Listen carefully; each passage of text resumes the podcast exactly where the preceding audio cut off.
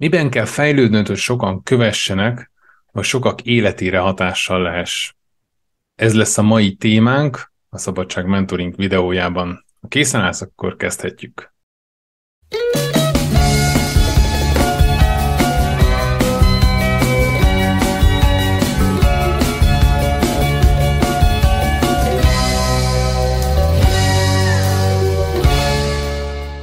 Nagy szeretettel üdvözöllek, én Pető Bence vagyok, ez pedig a Szabadság Mentoringnak az újabb videós epizódja, és a mai napon egy olyan témát szeretnék veled körbejárni, ami azt gondolom, hogy vállalkozóként biztos, hogy érdekel, hogyha nem is tudatosan fogalmazod meg, és nem is erre keresel rá minden nap a Google-on, akkor is összességében vállalkozóként nyilván van egy olyan indítatásod, hogy emberek életére akarsz hatást gyakorolni.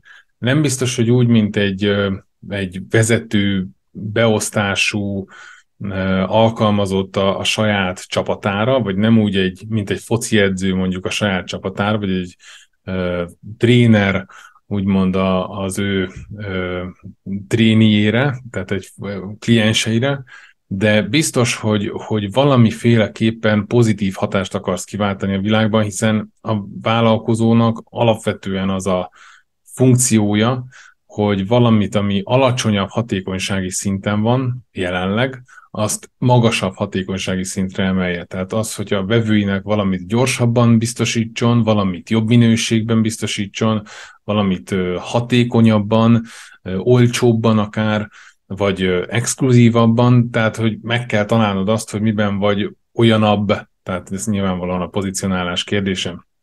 És két fontos szempont van, vállalkozóként, vagy akár vezetőként, hogy miért is kövessenek, vagy hogyan is fognak téged követni az emberek.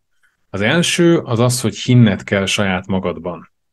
Tehát, hogy lennie kell önbizalmadnak, és igenis föl kell vállalnod azt, nyilván ez egy felelősség, hogy, hogy te követhető vagy, hogy te értékes vagy, hogy neked van valamilyen olyan tudásod, van valami olyan készséged, ami példát mutat.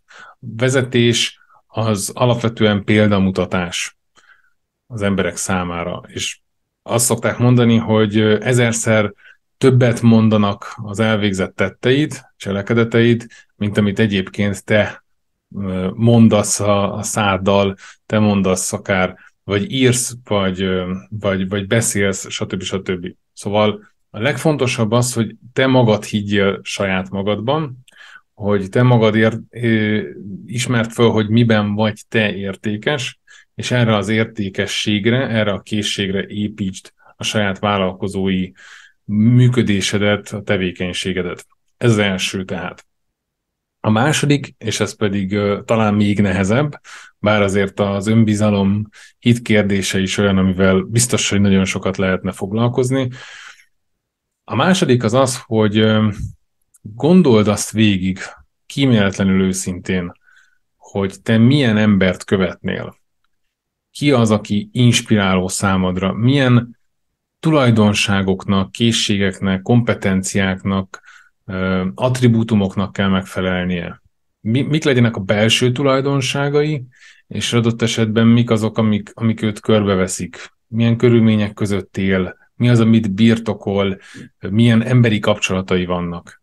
Ezeket szépen, tehát ez nem egy nem tudom, egy negyed órás feladat, ez lehet, hogy évekbe, akár több évtizedbe telik, míg látsz olyan modelleket, mintákat, példákat, amiket alapul tudsz venni, de a legfontosabb az, hogy hogy folyamatosan bővítsd, akár csinálj egy olyan mappát a gépeden, vagy a telefonodban, vagy, vagy a, a bármilyen szoftverben, amit használsz, csinálsz egy álomtablót, és arról gondolkodsz, hogy milyennek kell lennie annak, akit te követsz, és ezáltal egyre inkább kirajzolódik az, hogy te magad milyen elvárásokat fogalmazol meg a saját fejlődéseddel kapcsolatban mert olyan embert akarunk követni, akár tudat alatt is, olyan embernek a követését érezzük úgymond könnyűnek, amilyenek mi magunk is sokszor válni akarunk.